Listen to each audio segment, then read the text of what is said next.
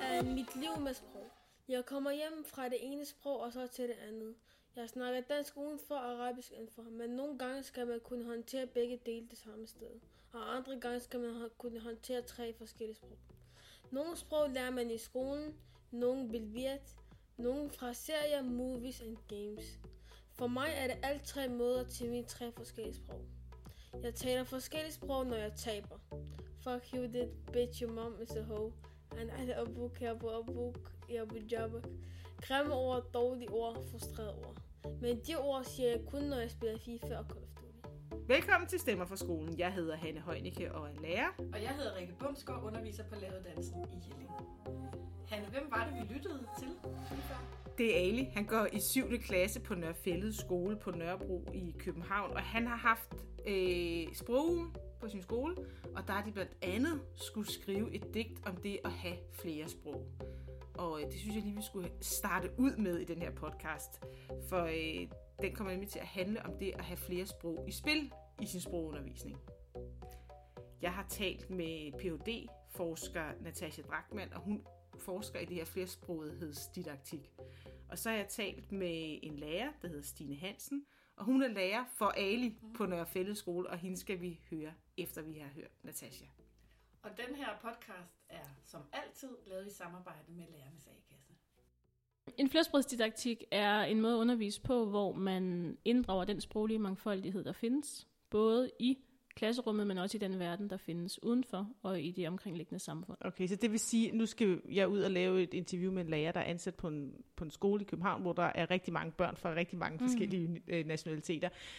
Øh, men man kan også bruge det her, hvis man er på sådan en helt dansk, almindelig middelklasse ja. skole. Fordi øh. der findes jo sprog alle steder. Selvom vi har en klasse, hvor det primært er majoritetselever, så har de børn jo også nogle sprog med sig. Mm. Øhm, alle børn lærer dansk, engelsk, tysk eller fransk i skolen.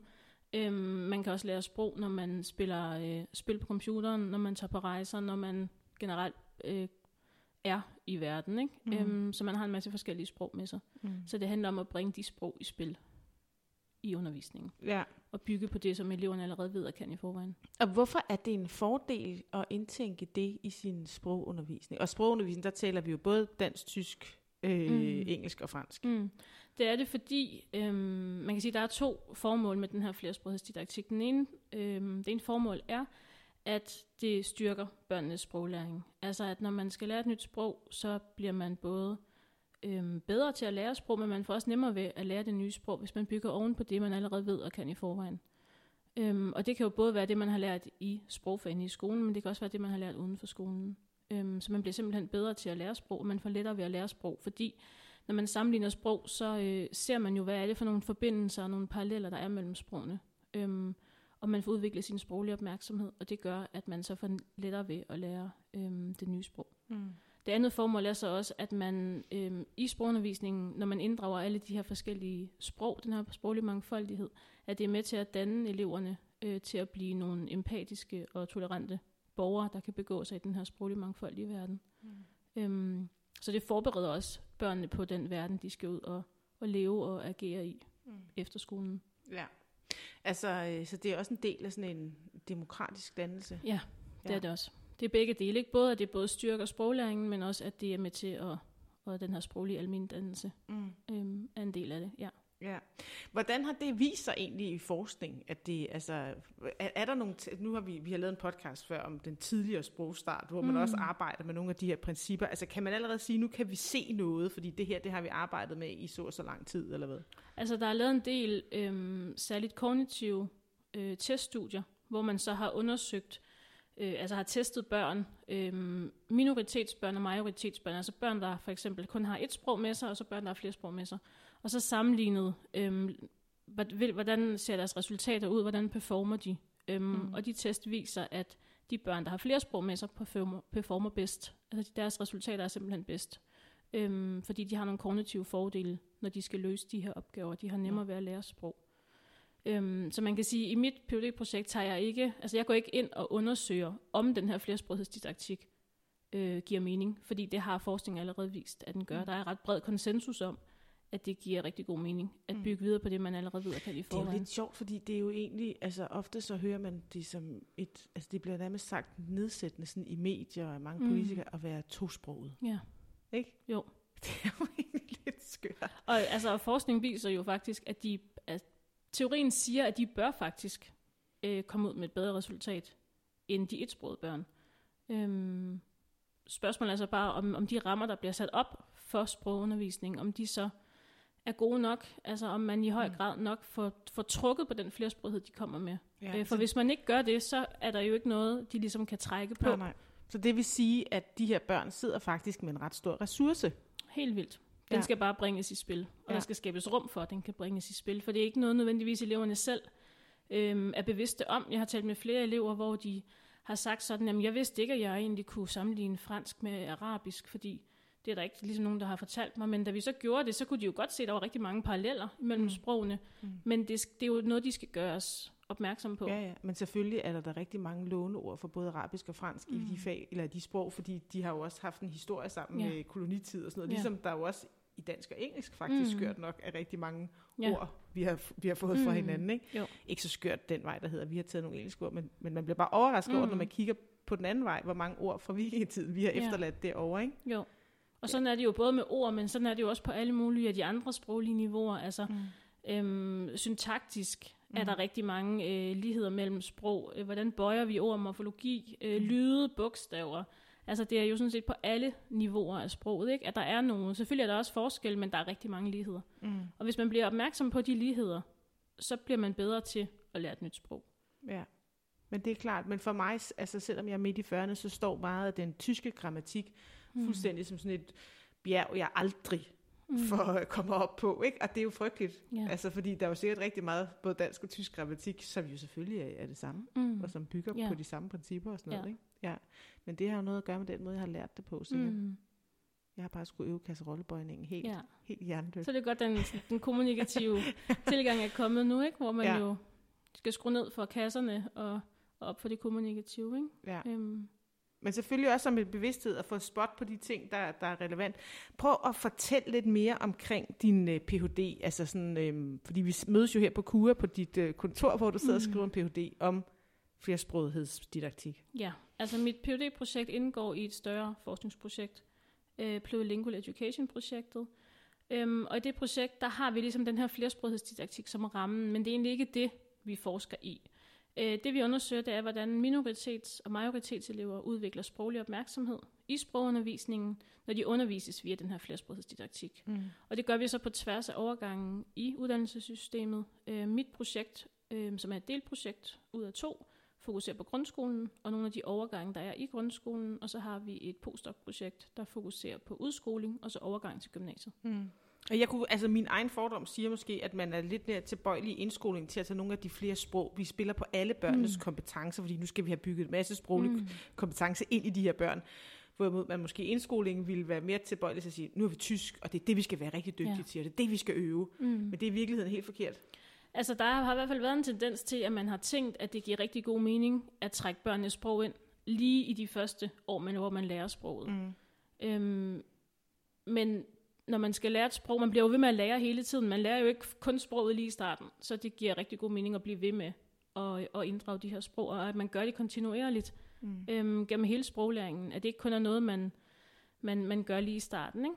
Mm. Og det er også netop derfor, at vi så også har taget altså både 7. og, og 9. klasse, som postdokken kigger på, og så også første G med. Fordi det giver rigtig god mening, at man, at man gør det kontinuerligt gennem Mm. hele sproglæringen. Mm. Ja.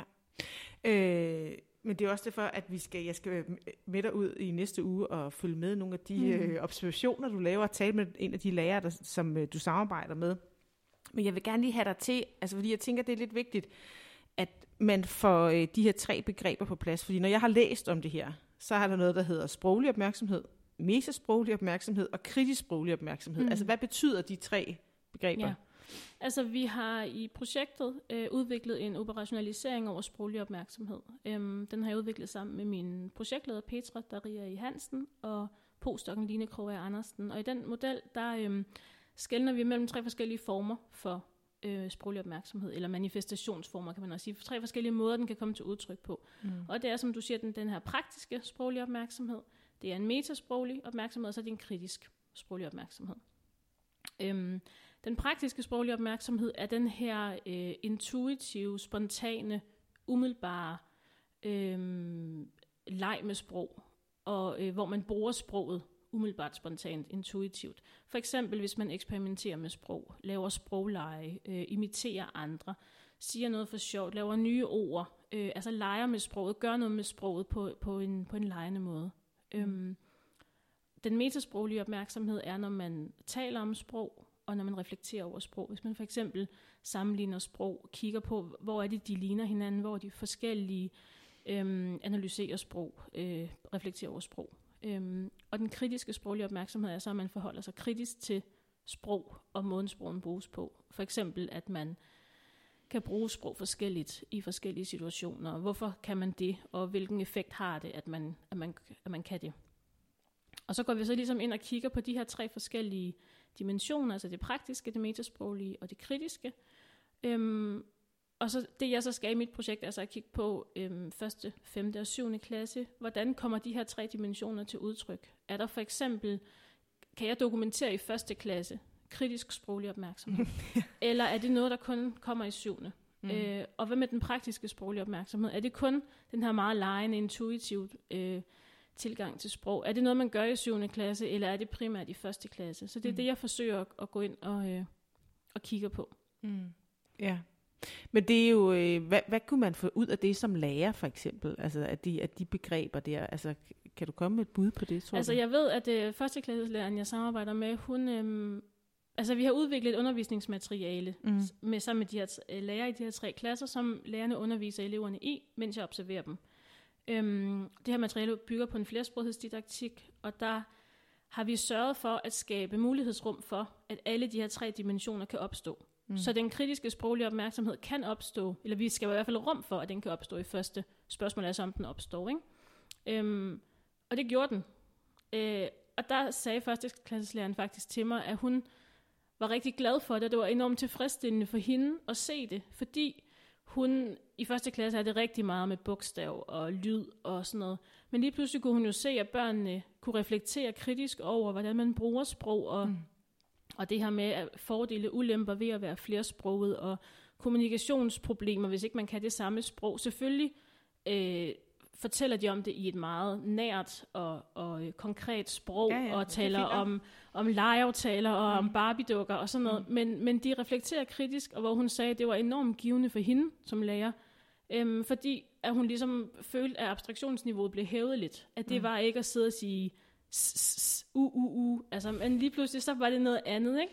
Så det var enormt givende for hende øhm, at opleve, mm. altså, at eleverne faktisk kan, hvis der bliver skabt rum for, øhm, for den her kritiske refleksion. Ikke? Jo, man kan sige, for den rigtig kvikke elev vil jo også drage den konklusion, aha, det betyder faktisk noget, mm. hvordan jeg taler, og det er Ja. ret vigtigt for mig at Ja. få behersket det her sprog, både skriftligt Mm. og mundtligt, så, Ja. øh, så jeg kan udtrykke mig, så folk Ja. forstår mig, ikke? så folk Jo. ikke misforstår mig. Jo. Ikke? Jeg talte også med en elev i første klasse, som de lavede blandt andet en øvelse, hvor de skulle sammenligne øhm, forsiden på den lille rødhætte på Mm. forskellige sprog.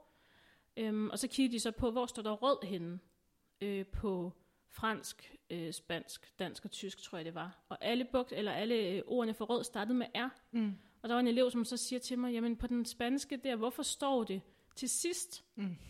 Fordi på de andre, der stod der jo rød, og så Ja. stod der hætte. Men på, den, på den spanske var det omvendt. Mm. Det er jo helt omvendt. Altså, de må have lavet en fejl, siger hun så. Og det var jo hendes intuitive, men det var jo ret fint spottet. Altså, at hun jo lige pludselig kan se noget syntaks. Mm. Hvordan bygger vi en sætning op, og sådan noget, ikke? Mm. Så, så de kan godt, altså, og, øh, selvom de er små, og øh, hvis der bliver skabt gode rum for det, ikke? Ja, ja, ja. Og det er jo også der, hvor sprogundervisning sådan bliver rigtig interessant jo. Ja. Ikke? Altså, Jo. tænker jeg også så, som Jo. lærer, at det er, jo, altså, det er jo trods alt mere interessant, end at sidde og øve lyde. Ja, Eller gå ja, ja det kunne med, jeg også se på den første klasses det er ikke? Hun var virkelig glad. Og Ja. tænkte også, det skal jeg gøre noget mere. Altså, øh, Ja. ja. Og ikke tænke, at vi kun er på bogstav og lydniveau, men også kan, kan ja, stille nogle større spørgsmål, og så øh, Mm. Lægge op til den her øh, refleksion, ikke? Noget af det, vi skal ud og kigge på, det er, at øh, der er arrangeret sådan nogle sproguger. Mm. Øh, kan du ikke lige kort fortælle om, hvad det Jo. er egentlig? Altså tanken med de her sprogere er, at vi øhm, etablerer et samarbejde mellem alle sproglærerne Mm. i hver af de tre klasser. Øhm, så det vil sige, det er dansk læren, engelsk læren og fransk tysk læren i 5. og 7. klasse, der så indgår et samarbejde, øhm, hvor de har været med til sammen med mig at udvikle et undervisningsmateriale, som de så alle sammen underviser i, i den her pågældende sprog. Sprogen består af hele ugens øh, sproglektioner, det vil sige alle dansk lektioner, alle engelsk, fransk og tysk lektioner. Og så er øh, dansklæreren på i dansk lektionen, mm. men underviser så i det, der nu er planlagt. Og så når engelsklæreren kommer på, overtager engelsklæreren og underviser videre i det her samlede materiale. Mm. Det, det er noget, de har planlagt sammen Ja. simpelthen. Ja. Og hvor grænserne mellem øh, sprogfagene blev mere flydende. Altså mm. eleverne havde lidt svært ved i starten og spurgte sådan, jamen, har vi dansk eller engelsk nu? øh, fordi dansk og engelsk er den samme. Og så sagde ja. hun, jamen, vi har bare sprog. Mm. Øhm, selvfølgelig bliver der arbejdet med engelsk i engelsk undervisning og dansk i dansk, men der bliver også arbejdet med dansk i engelsk og engelsk i dansk, altså og alle mulige andre sprog. Mm. Så det er også sådan et forsøg på at få brudt de her meget hårde øhm, grænser mellem sprogfagene mm. og mellem sprog generelt. Og se sprog som, som sprog. Altså, i det her undervisningsmateriale til den første sprog, der arbejdede vi med den lille rødhætte. Mm. Øhm, og der havde vi, øhm, vi har ligesom forsøgt at få både, altså for de her tre dimensioner i spil, sådan, og, i, og i samspil med hinanden løbende. Ikke? Mm. Øhm, der havde vi blandt andet en aktivitet, hvor eleverne i starten øh, fik udleveret øh, tekstbider, altså eventyret klippet op i tekstbider. Øhm, teksten var så, en bid kunne for eksempel være på dansk, så kunne den næste være på engelsk. Øh, i, I 7. klasse var den så også på fransk og på tysk. Øhm, og så fik de nogle billeder til, og der handlede det så om, at de så skulle prøve at parre, altså koble mm. teksten med det billede, der nu passede. Mm. Og så skulle de så placere øhm, teksten i den rigtige rækkefølge. Altså kronolo- kronologisk skulle mm. de så danne den her tekst. Og det var jo en praktisk sproglig opmærksomhed. De sagde ikke ret meget, når man observerede dem. De rykkede bare rundt på de her tekstbider.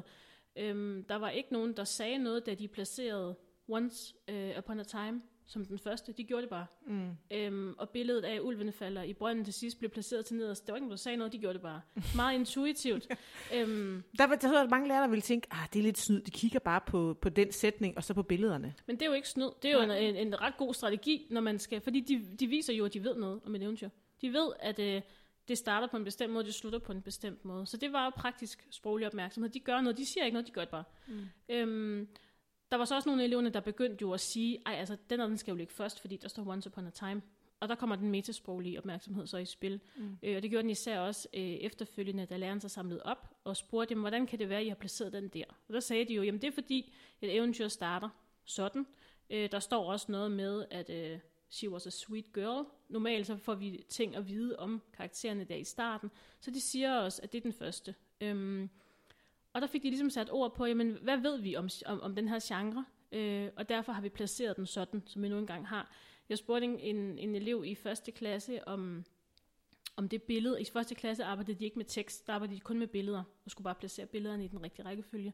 Og spurgte hende så, om man kunne placere øhm, billedet med ulven, der falder i brønden, i midten af historien. Og så ser hun på mig, og så siger hun så, nej, det var da noget mærkeligt noget at spørge om. Fordi så er der jo ikke nogen historie. Og det var jo rigtigt.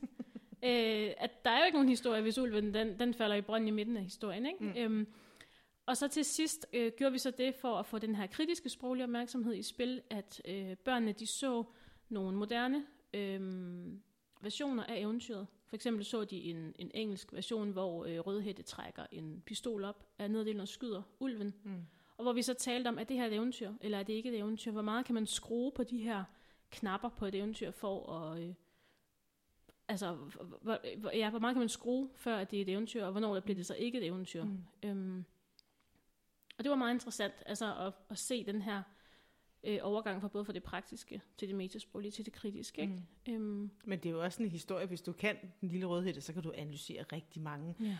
øh, historier om en overgang for et Ja. menneske. Ikke? Altså Mm. hvilke farer man møder, når man Ja. er ude altså, fra, et sted til et andet. Mm. Ikke? Altså Jo. det er jo altså, det er jo, prim, det er jo bare ja. det, det handler, basically det, det handler Ja. om. Ikke? Altså, Jo. kan man sige. Ikke? Mm. Så- Jo, og præcis. Og det, og, det, og det kan man jo uanset hvilket sprog det er på. Mm. Og ligesom ens viden om genre, den er jo ikke bundet til, at det er på en måde på dansk, og så er det på en måde på tysk. Genren eventyr er ret meget den samme, uanset hvilket sprog øhm, øh, man arbejder på. Og det kunne man jo også se, selvom eleverne for eksempel i 7. klasse skulle, skulle øh, arbejde med noget på fransk, som de jo først er ved at lære, de er ikke så dygtige til det nu, mm. så kunne de alligevel gøre det, fordi de vidste jo noget om genren fra dansk og engelsk, og Mm. måske også fra andre sprog. Og det kunne de jo trække på. Mm. Øhm, Mm. så det er det der med at, at se parallellerne mellem sprogene. Ikke? Ja. Synes du, at man skulle, altså nu, synes du, man skulle ligesom sige, vi har, når vi har engelsk og tysk og fransk, så har vi ikke et, et, et særligt fremmedsprog, men så har vi bare sprog. Eller, skulle, eller er det en god idé at alligevel have delt det op i, så har vi en times tysk om ugen, og så har vi... Jeg, jeg tænker, at man bliver nok nødt til stadigvæk at dele det op, men at man i højere grad skal drage nytte af, den, at, at de rum, der er mellem sprogene, ikke? Mm. at man i højere grad skal arbejde på tværs af sprogfagene. Mm. Øhm, Så det er ikke bare engelsklærerne, der sidder sammen, men det er hele Ja. sproggruppen, der ja, sidder. og man for eksempel holder nogle sprogdidaktiske faggruppemøder Mm. øh, på hele teamet, altså alle sproglærerne på teamet, også dansklæreren, så man måske kan ja, øh, bidrage til hinandens undervisning. Øh, kan man planlægge, hvis man nu i dansk undervisning skal arbejde med eventyr, skal man det så også i engelsk? Kan vi lave nogle paralleller, så, frem for at man ligesom sidder med sit eget fag, isoleret set, og forsøger at bygge, bygge noget op, at man så i højere grad ligesom drager nytte af det, som, som de andre fag også laver. Mm, ja. Også fordi den der, hvad skal man sige, den der øh, overgang fra en ting til et andet, eller fra et fag til et andet, kan være ekstremt svært for eleverne Ja. at, at, at, at lave simpelthen. Ja. Ikke? Det synes jeg bare, jeg har oplevet gang på gang på gang. Mm. Ikke? Altså, og selvom jeg har haft dem i det samme fag, jeg siger, prøv en gang, vi har lige haft det her mm. Mm. i sidste uge i, Ja. i billedkunst. Kan I ikke Ja. huske, hvad vi talte om der? Ja, Men Det er Ja. jo billedkunst. Ja. ja. Ikke? Altså, Jo. det er svært. Men hvad kunne, øh, altså, så det vil sige, at det der med at sk- skabe et rum for, et, altså et sprogrum, for jeg tror også, øh, som jeg selv er dansklærer, at det er vigtigt at have det som dansklærer. Mm. Fordi, som vi også øh, har talt om tidligere, at dansk måske er mere et litteraturfag, end det er et Mm. reelt sprogfag Mm. for rigtig mange øh, Ja. dansklærer, ikke? Jo. Men altså, det er Altså- jo stadigvæk også et fag, hvor man skal lære Det er det, ja. dansk. Ja. Og man skal lære at lære sprog. Ikke? Mm. Altså, og især det her med at lære at lære sprog. Det er jo ikke sådan, at man lærer tysk på en måde, og så lærer man engelsk på en anden måde. Vi Mm. lærer jo sprog på meget den samme måde. Der er rigtig mange ting, der går igen. Så i stedet for at hver lærer skal sidde og opfinde den dybe tallerken, kunne man jo i højere grad øh, trække på det.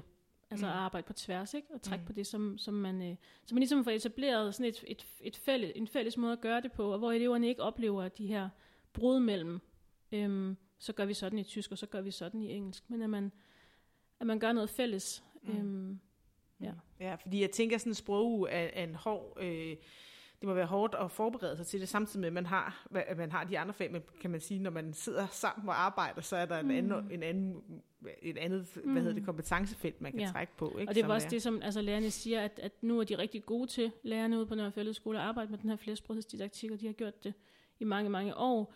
Øhm, så man kan sige, at det her med at inddrage andre sprog var ikke noget nyt for mm. dem.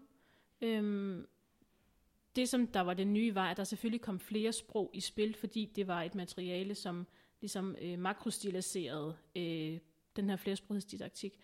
Øhm, fordi det, de siger, øh, som der mangler, det er simpelthen altså undervisningsmaterialer, mm. øhm, hvor man gør det her. Fordi det er rigtig svært, som du siger, at finde tid til at sætte sig ned øh, fire sproglærer sammen Mm. og, og, øh, og lave et forløb. Ikke? Det er nærmest en umulighed. Mm. Øhm, og der var det gode så her, at, at, vi så, at de jo netop fik tid til at udvikle det her materiale sammen. Ja, og det materiale, det ligger faktisk, så andre kan hente det Ja. ud. Jo. Det gør det. Ja. Det ligger frit tilgængeligt på vores øhm, projekthjemmeside. Mm. Og den linker vi til Ja, på det gør vores vi. side.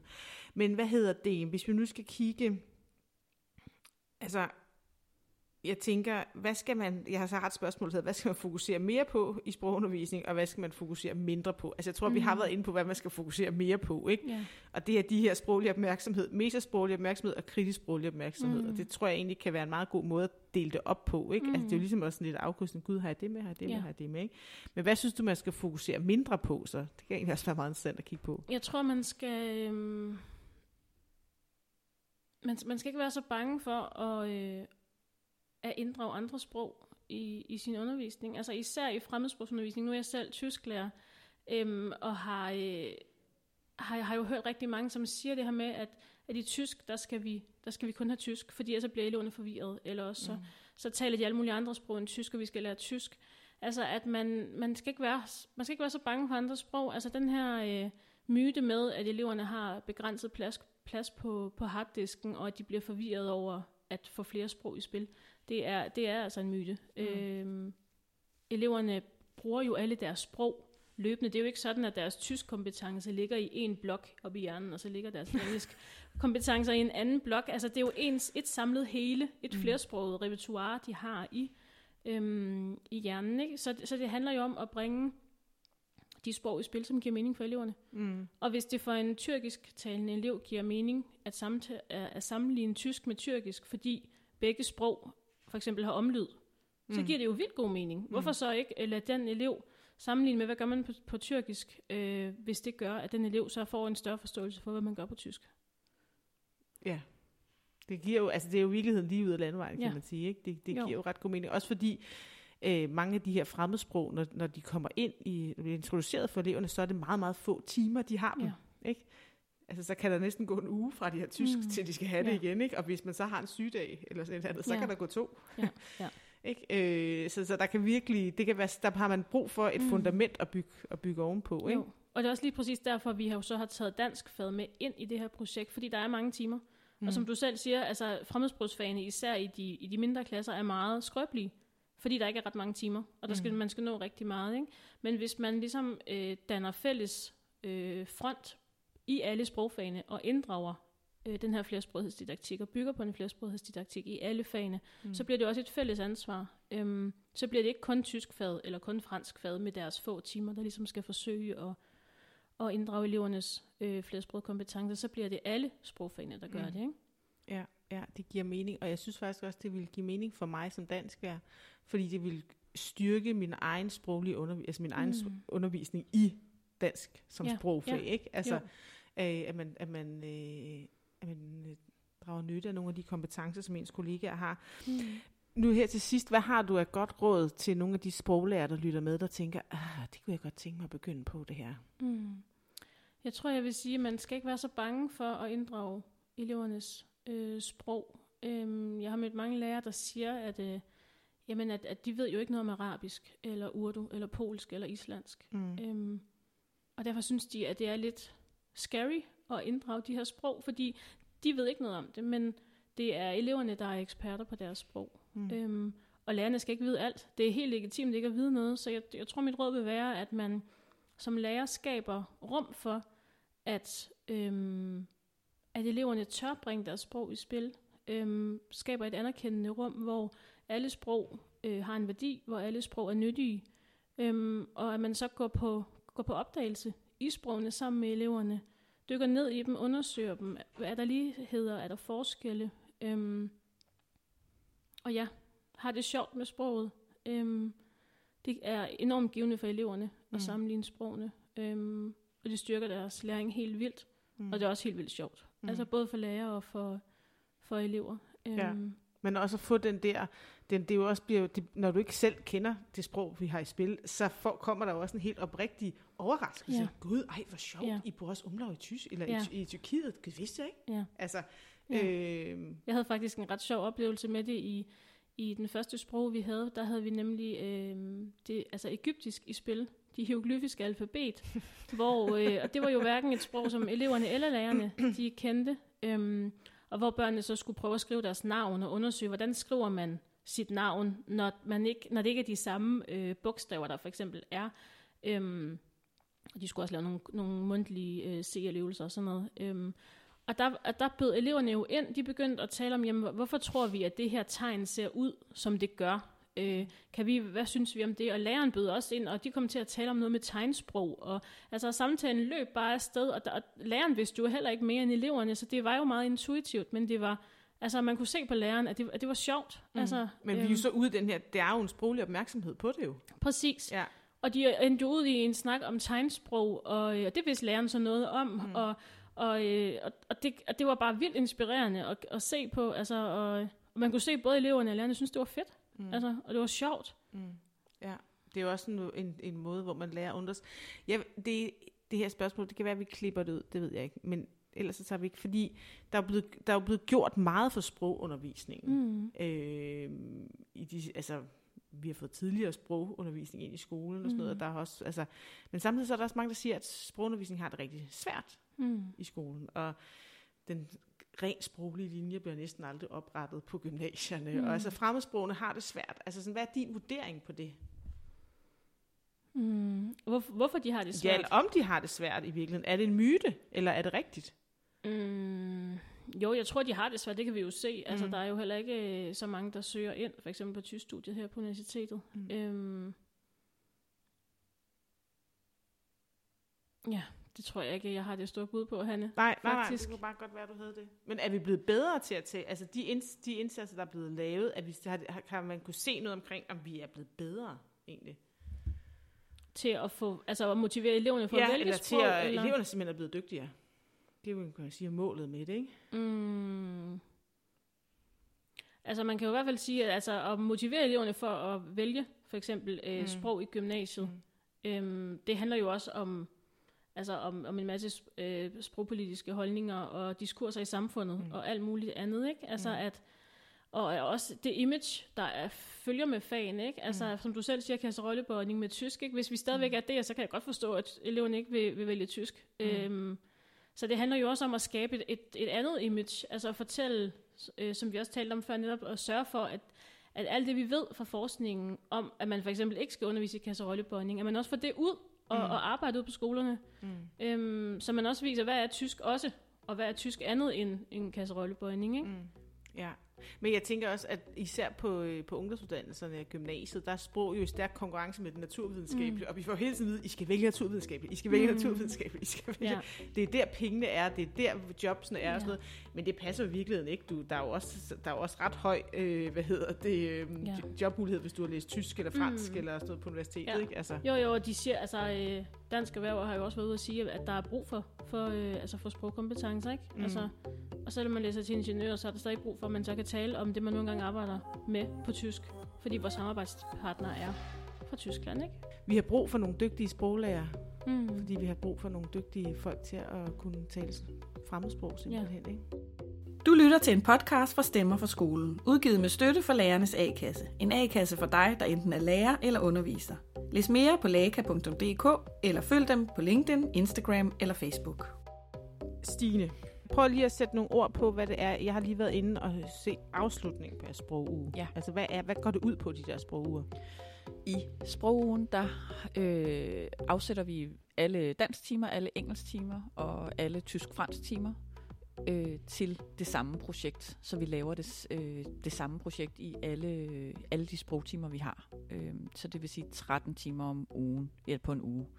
Og øh, så handler det ikke om, at vi i tysk-fransk-timerne skal snakke tysk eller fransk, eller i dansk skal det være øh, dansk. Så har de faktisk haft engelsk i går, da de havde tysk og fransk, og i dag har vi kørt i dansk og engelsk timer, øh, blandet alle sprog øh, Mm. mm. sammen. Så det er mm, mere fokus på, øh, ja, på sprog generelt, og ikke på de enkelte specifikke fag. Mm. Og vi følger jo op på hinandens undervisning, så jeg går ind og overtager fra mine kollegaer øh, i, øh, i tysk og fransk, og, eller de overtager fra mig og skal følge op på noget undervisning, man ikke selv har, har stået for øh, og stået med. Så det, det har det har sine øh, øh, udfordringer, men det er også Ja. rigtig øh, det er også rigtig sjovt, mm. at øh, vi alle sammen er involveret på den her måde øh, i i noget omkring en klasse. Ja, nu er du jo både engelsk og dansk lærer i den her klasse, Ja. så du er jo med, kan man sige, i sprogteamet, men ellers er det jo tit, altså i sådan et team, der, er det jo, der sidder tysk, fransk og engelsklærerne ja. Ja. og, og taler, og, øh, og så er dansklærerne jo ikke rigtig med, men her der er den, altså dansk jo også et sprogfag, hvilket det jo også er. Hvilket det også er. Ja, det kan vi godt glemme nogle gange, men ja, ja, det kan man sjovt nok, at det er jo Ja, skørt. det ja. er skørt. Ja, ja. Men hvad, altså, har I nogle udfordringer på den, på den front der? Øh, nej, nu er vi... Øh, de sproglærer, der er på syvende årgang, i hvert fald i år her, der er vi alle sammen en del af teamet, øh, normalvis også, så vi har også teammøder sammen, og Mm. øh, fordi det er et projekt, vi har kørt her øh, med Natasha, øh, så, øh, så, øh, så har vi jo haft ekstra tid til at, at forberede og mødes og planlægge og, og sætte det op i, i nogle systemer, øh, ja. for at gøre det så let tilgængeligt også for andre senere Mm. hen. Mm. Øhm, så vi har haft god mulighed for at, at snakke sammen om det. Den her gang har vi kørt det i alle tre klasser Mm. øh, samtidig. Øhm, og det har været mega fedt, fordi vi så var sprogteamet her, så er vi så fire voksne, for jeg har engelsk i alle tre klasser, Mm. øh, og så er der vi tre dansklærere, og så de samme øh, tysk-fransk lærere på alle tre klasser. Mm. Så vi er fire. Øhm, og, et, mm, det har bare været en mega fed måde også at mødes med sine kollegaer på, og en vild fed måde at se børnene på, øh, fordi det har været så anderledes end det, vi måske gør til hverdag, og det der med, at de, ja, det er jo en form for projekter, uh, eller noget, men de, at børnene laver det samme med, med de, den fag, at børnene laver det samme med de øh, sproglærer, som kommer, kommer ind til dem i, i sådan et projekt, og vi kan få lov til at snakke med hinanden, os voksne og børnene. Det var Øh, din pedel, der kom.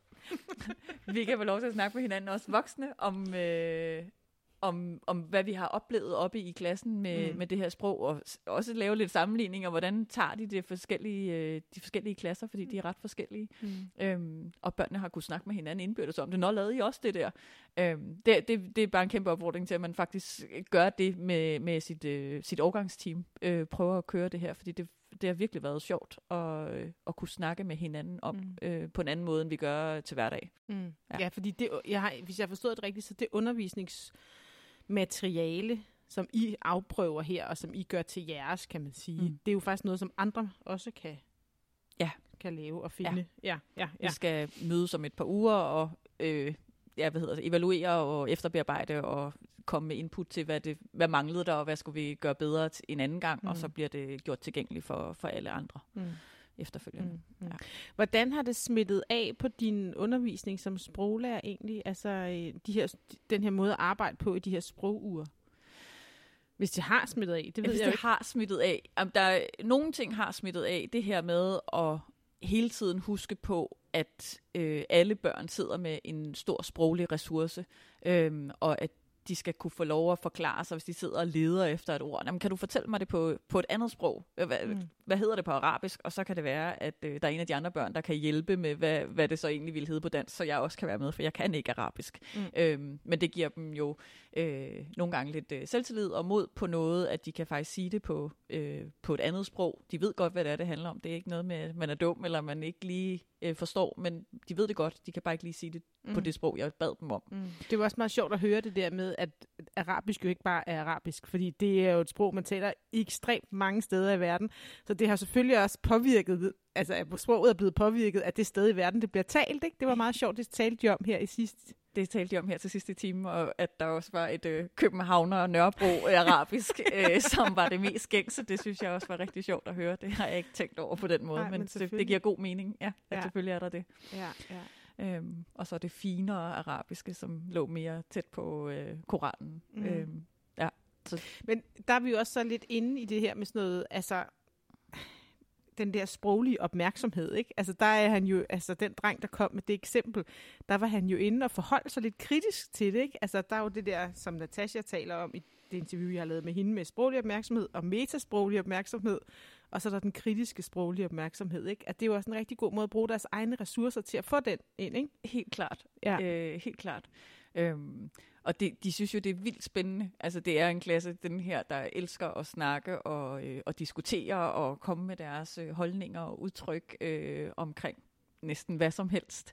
Øhm, men, men det her, det bliver jo øh, noget, de meget hurtigt tænker, gud, det ved jeg faktisk noget om. Øh, det her, det har jeg øh, faktisk et bud på. Mm. Øhm, og det er jo de samme elever, som sagtens skal sidde og kæmpe med det i, øh, i mine timer i engelsk, og, min, og mine kollegaers timer i tysk og, og fransk, og de, det kan jeg overhovedet ikke. Og så sidder de alligevel nu og folder sig ud, øh, ikke på de sprog, men de har masser af holdninger og tanker omkring, hvad det vil sige at lære sprog, og hvorfor sprog er vigtigt, og hvad kan man bruge det til, og øh, hvorfor er det vigtigt at lære det. Mm. Øhm, og det er jo vildt fedt at engagere dem på den der måde, fordi det har jeg i hvert fald klart en fornemmelse af herinde, at det, øh, det har givet dem så meget, at det er faktisk noget, man kan henvise til og sige, men hey, kan du huske, det var faktisk fedt, at du kunne flere forskellige sprog, og nu prøver vi lige igen. Prøv lige at have selvsviden til at tænke over, hvad kunne det hedde et ord, noget som transparente ord.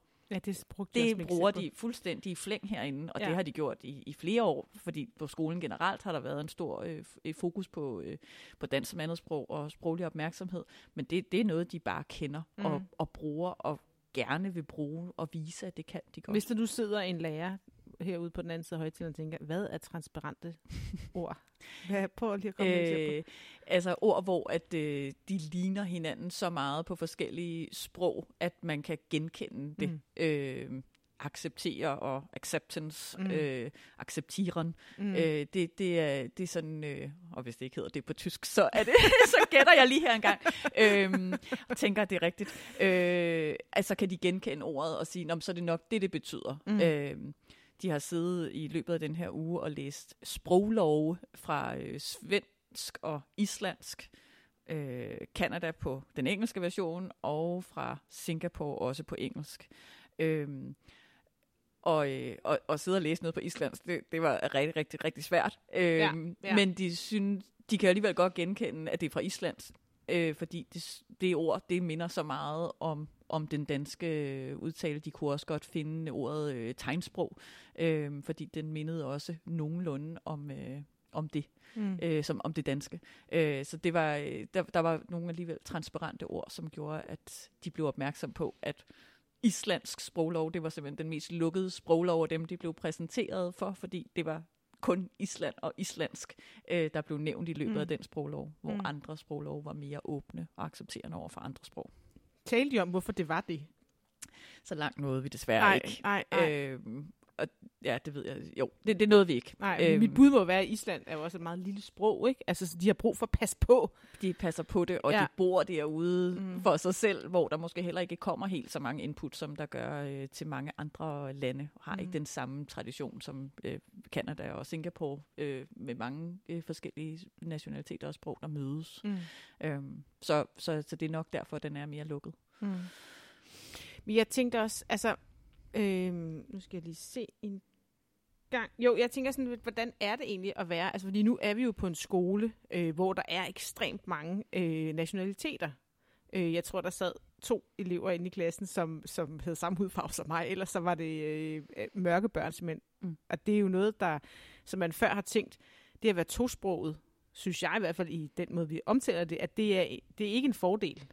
Men det er det jo her. Det er det her på den her skole. Ja. Og det, det har det været i, i mange år. Øh, der har man haft et meget stærkt øh, dansk som andetsprogs øh, center på skolen, som Mm. har gjort utrolig meget for at, at støtte op om, øh, om den elevgruppe, som vi har. Øh, og arbejdet meget med børnene, men også med øh, lærerne på stedet, med at det, det er en ressource, som de her børn sidder med, Mm. øh, som, som vi skal bruge og styrke og, og, og løfte. Mm. Øhm, at blive ved med at gøre dem opmærksom på, fordi det er jo også øh, noget af det, de selv sidder og fortæller, når de får lov, at wow, man føler sig accepteret og anerkendt på en helt anden måde, når man får at vide, at hey, det er vildt sejt, at du kan det her sprog, i stedet for at blive slået i hovedet med, at hvorfor snakker du ikke dansk? Mm. Mm. Øhm, Men de taler jo også dansk. de snakker jo også dansk. Det er jo ikke sådan, jeg, altså, det, er jo ikke, det er jo ikke på den måde. Præcis. Øhm, så, men hvad tænker du, nu, hvis man nu øh, øh, sidder her, og ens egen klasse ligger et eller andet sted uden for Vejle, i en lille by øh, med parcelhus omkring, og der bare er en helt øh, blond klasse, man går ind til. Hvordan kan man så bruge nogle af de her principper, som I har brugt? Har du nogle bud på det? Øhm, jeg tænker, uanset hvad, så er det godt at gøre dem opmærksom på, at, øh, at de har en masse sprog. Fordi Mm. de samler jo også sprog op, og de lærer jo også tysk og øh, engelsk og, og, og fransk eller noget øh, af det i, øh, i deres skoletid.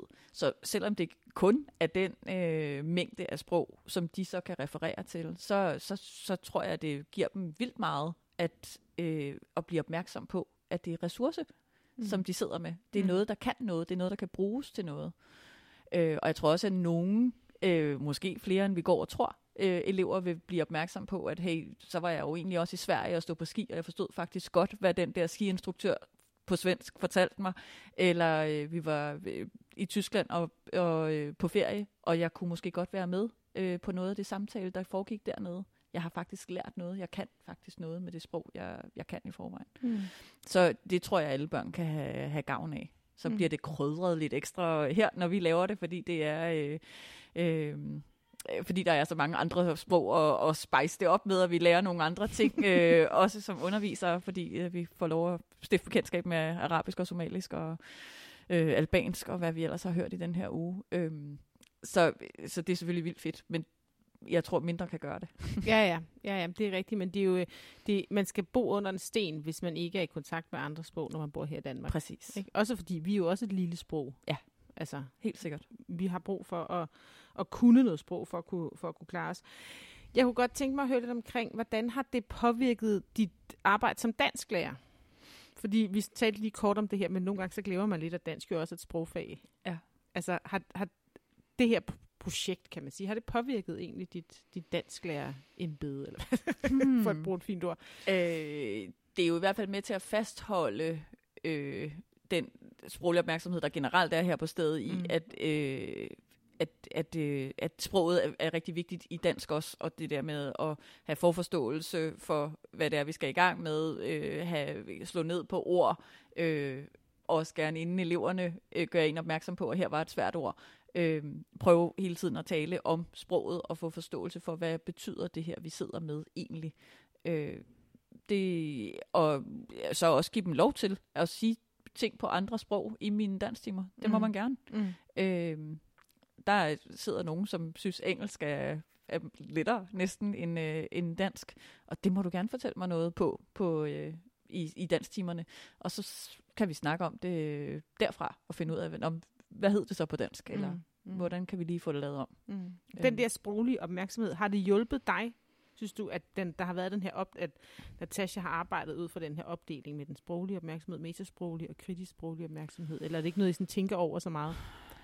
så langt er jeg vist desværre ikke kommet i min refleksionsrække endnu, Nej. men, men det, jeg synes, det giver super god mening at, at, at, øh, at have opmærksomhed på de der tre forskellige øh, punkter, og det er noget, jeg øh, i hvert fald på øh, et vist plan, hvis I, du ved, tid, og man gerne vil Ja, ja, forberede nej, mere det- bedre det undervisning kender- og alt det der, ikke? Det kender alle lærere til, det der. Øhm, Ja, ja. Så, så vil man gerne, øh, så vil jeg rigtig gerne prøve at, at strukturere øh, fremtidig sprogundervisning øh, lidt mere efter nogle af de her øh, principper. Mm. Øhm, det er jo også øh, de opgaver, vi har arbejdet med i den her uge. Der er jo rigtig mange af dem, som eleverne har syntes var vildt sjove og vildt spændende og fede og anderledes, end det vi, de måske øh, har været vant til. Mm. Så det er klart, at øh, den her, øh, de her opgavetyper skal vi, skal vi også have kigget på, Mm. hvor, om vi kan få dem ind og vendt dem til noget andet. Ja, men jeg har bare, altså, vi har faktisk lavet podcast om øh, sådan noget tidlig sprogstart og meningsfuld grammatikundervisning og sådan noget. Derfor havde, tænkte vi egentlig først, at vi ikke ville lave den her podcast.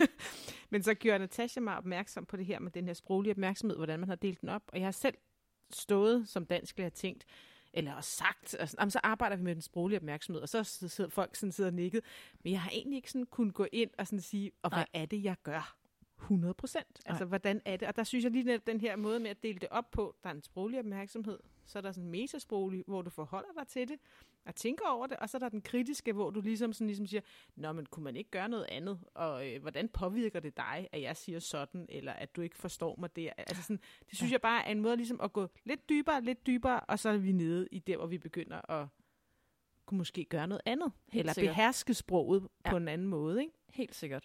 Øhm, og jeg, altså, i forhold til de opgaver, vi har lavet i denne her uge, så, øh, så den kritiske øh, sproglige opmærksomhed, det, det har været den, jeg tror, de har næsten har fået mest ud af herinde, mm. fordi de virkelig tog diskussionen til sig omkring de her sproglov ude i verden, øh, og også i forhold til, skal vi så, vi har ikke en sproglov i Danmark, Mm. øh, bør vi have det, og hvad skulle den så indeholde, og hvem skulle bestemme, hvad den skulle indeholde.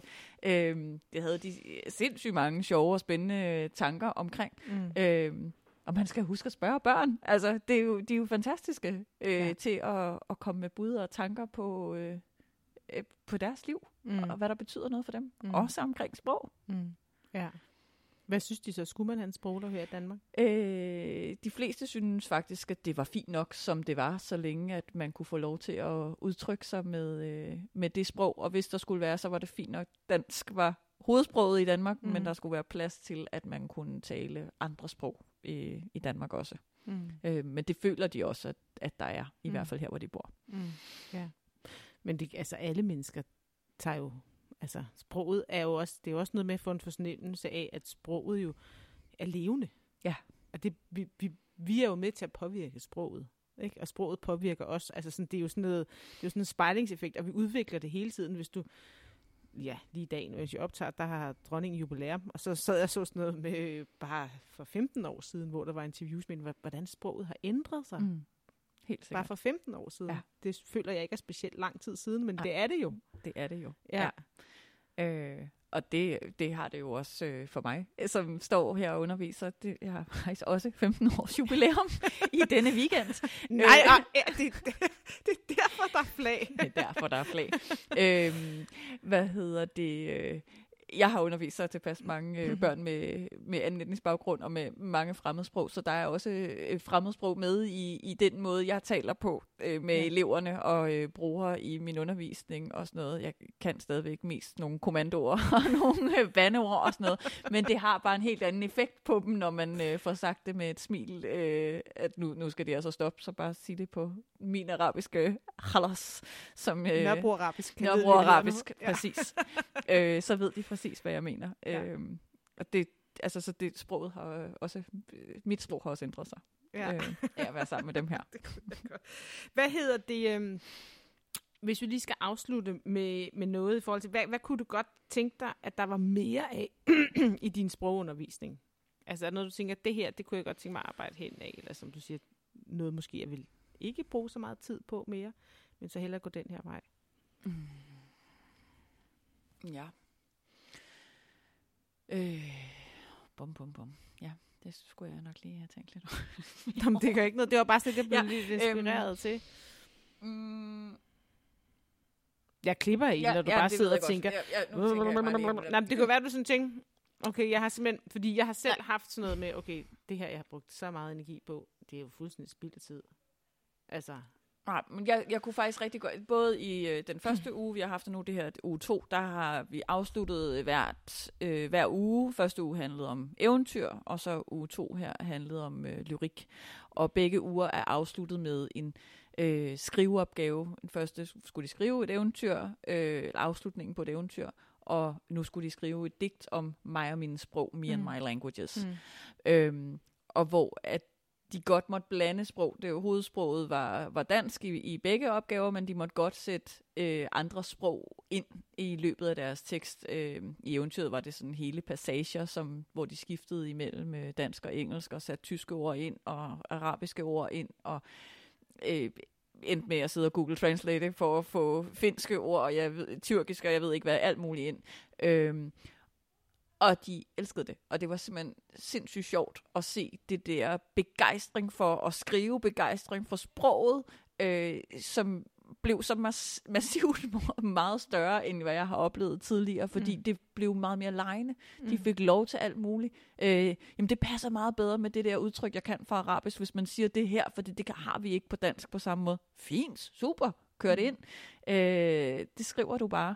Øh, åbne mere op for de der opgaver. De skal nok lære at holde sig til, til et sprog, når vi sidder med dem til eksamen. Det ved de godt. Mm. Øhm, men at, at gøre plads til, til lejen og letheden og øhm, ja, gøre det levende på en helt anden måde for dem. Mm. Øh, altså, fordi de... det er jo virkelig en meget abstrakt opgave. I skal skrive et digt om sprog, jeres forhold til sprog. Altså, jeg var svært. så imponeret over det, de kom med. Ja. Ikke? Men det er jo fordi, der bliver åbnet op for sluserne. Ja, I kan bare præcis. give den gas. Øhm, øh, brug det, I kan. Brug det, I, I ved. Øh, en vild god brainstorm, de havde øh, inden, og så prøv at, at sætte det op som, som det her digt så godt, som I nu kan. Mm. Øhm, og inkludere det, som I ved eller føler omkring sprog. Mm. Øh, så det var en meget personlig opgave, den her sidste, som var vildt rørende også at, vildt. at høre dem øh, fortælle om. Men, men, øh, men tilgangen til det var også bare, wow, det her det er vigtigt, det handler om mig. Jeg må fortælle øh, nogle andre om, hvordan jeg har det med sprog. Øh, der er nogen, der synes, det er vigtigt at høre min stemme omkring sprog. Mm. Det var vildt fint at høre det i de her digte, og omkring eventyret blev det det her sjove, lejende øh, øh, rødhætte og ulven, hvor øh, øh, ulven, øh, watch out grandma, øh, altså sådan alt muligt, der ligesom bliver blandet ind, fordi det lyder meget sejrstigende, for det lyder ligesom en film, øh, jeg så på Netflix, øh, når man siger det på den måde, end øh, når vi bare siger det på dansk. Mm. Øhm, så, så ja, det, det synes jeg har været virkelig sjovt, og det skal de have lov til at gøre nogle, noget mere. Mm. Lege med sproget. Mm, mm. Det synes jeg er et vildt godt råd at slutte af med. At man skal simpelthen bare åbne for sluserne og give den gas. Øh, Når jeg bliver ældre, vil jeg gerne snakke flydende engelsk. Sprog er min bog, elsker det. Jeg er virkelig glad for at snakke fly- flydende dansk, arabisk, men inshallah, som man siger, bliver jeg bedre til engelsk. Fransk, det er noget, jeg kan øh, mærke, jeg bruger i fremtiden. Fransk er som et, et, sådan et flot sprog, men virkelig svært at lære. Og engelsk er ikke så svært at lære, men stadig kompliceret. Det er ikke fordi, jeg er den bedste til at snakke dansk. Mangler selvfølgelig at lære mere. Og arabisk er bare noget, jeg snakker. Øh, det er ikke noget, jeg lærer i skolen. Snakker også lidt et andet slags arabisk, for min papfar er iraker, men snakker stadig sådan normalt arabisk, men stadig lidt forskel. Øh, Forstår noget, hvad han siger, men snakker også dansk med ham. Ja, her til sidst, der sluttede vi af med endnu et elevdigt, og det var Lind, der går i klasse med Ali på øh, Nørrefælde skole, der også har skrevet digt. Det var bare et lille uddrag af, af hendes digt, og, om det at have to sprog. Og ja, jeg synes, det gik op for mig, mens jeg har lavet den her podcast, at hvor det, de her børn sidder med en kæmpe ressource. Øh, Natasha, hun siger også på et tidspunkt i mit interview med hende, at det er bevist, at børn med flere sprog, øh, det hjælper deres intelligens simpelthen. Så er der så sådan nogle socioøkonomiske vanskeligheder, nogle af de børn, som jeg var ude at besøge, de som måske har, men det er simpelthen, altså, der er noget potentiale her, vi ikke får fuldt ud, og vi ikke, øh, vi ikke tager til os på en eller anden måde. Det synes jeg er ærgerligt. Mm. Ja, ja, det er jo virkelig vigtigt, det her med at se, det at have flere sprog som en ressource. Jeg synes også, læreren, du taler med, siger det så fint, det her med, man må fak- faktisk gerne sige ting på andre sprog i hendes timer. Det er ikke sådan forbudt, og måske har der været nogle steder lidt en tendens til at sige, at du skal tale dansk, når du er i en dansk skole. Men måske er der nogle ting, man, øh, man bedre kan forstå, og man kan forholde sig metasprogligt til, mm. hvis man får lov til at inddrage sit modersmål eller andre sprog, man, man har. Med. Ja, og den her sådan sproglige bevidsthed, man får, ikke? Fordi de- de her børn, da de havde sådan en snak i klassen om det med at have flere sprog, så var der også nogle af dem, der talte arabisk, der sagde, Nå, men jeg taler også noget Nørrebro-arabisk. Mm. Når jeg taler med mine bedsteforældre, så taler jeg også noget rigtig arabisk, mm. for eksempel. Men bare det, de har den her, at de faktisk måske har flere, ikke bare to sprog, men måske tre sprog, Ja. som de kører rundt i, ikke? Det er Øh, det, er da, det er da et kæmpe ressource. Mm. Ja, og pointen om, at man bliver ved med at lære sprog. Det er ikke sådan, sådan noget statisk noget, så nu har du lært dansk, eller nu har du lært engelsk, og nu kan du det. Men man faktisk bliver ved med hele livet, og gennem hele livet udvikle sit sprog, mm. og, og, og det er vigtigt at forholde sig til det. Der synes jeg, de der tre former for sproglig opmærksomhed, som I taler en del om i interviewet, han praktisk sproglig opmærksomhed, metasproglig opmærksomhed og kritisk sproglig opmærksomhed, er, er nogle rigtig gode perspektiver at putte på vores sprogundervisning, mm. hvad enten det er i, i, øh, i tysk og engelsk, eller det er dansk, som jo er mit fag. Altså, hvad er det egentlig sprog, vi kan gøre med sprog? Hvordan kan vi forholde os til det på forskellige måder? Det synes jeg, den her kritisk sproglige opmærksomhed, jeg er meget optaget af. det ved du. Men det synes Ja. jeg også, det er spændende, at den også kan være en del af, af samtalerne i engelsk. Mm. Altså, det har faktisk betydning om, at jeg vælger lige det her ord, eller det her ord, mm. for hvordan mit budskab kommer ud, eller, eller jeg skal være opmærksom på, hvilke ord andre bruger for at overbevise mig om noget. Ja, ordets magt. Mm, det er Ja. ja. mega spændende. Mm. Og det leder mig også hen på noget, som vi har talt om, Rikke, for vi var lidt i tvivl, om vi overhovedet skulle lave den her podcast, fordi vi har for øh, halvandet års tid siden lavet en, der hedder meningsfuld grammatikundervisning. Øh, men vi synes, de to, de ligger så godt, de er nærmest to tvillinger på en eller anden måde, de her to, så har man synes, det her var interessant, så skal man altså også lytte til meningsfuld grammatikundervisning, for det handler lidt om det samme. Ja, Ikke? jo, den her dimension med, at når vi arbejder med sprog, så skal vi faktisk gøre det på en funktionel måde. Mm. Og så synes jeg, at det her perspektiv, du, der kommer med i den her podcast, er helt vildt interessant. Altså lad os bare bringe alle de sprog i spil, vi, vi har taget til stede i, i klasserummet. Tak fordi I lyttede med. Vi lyttes ved en anden god gang.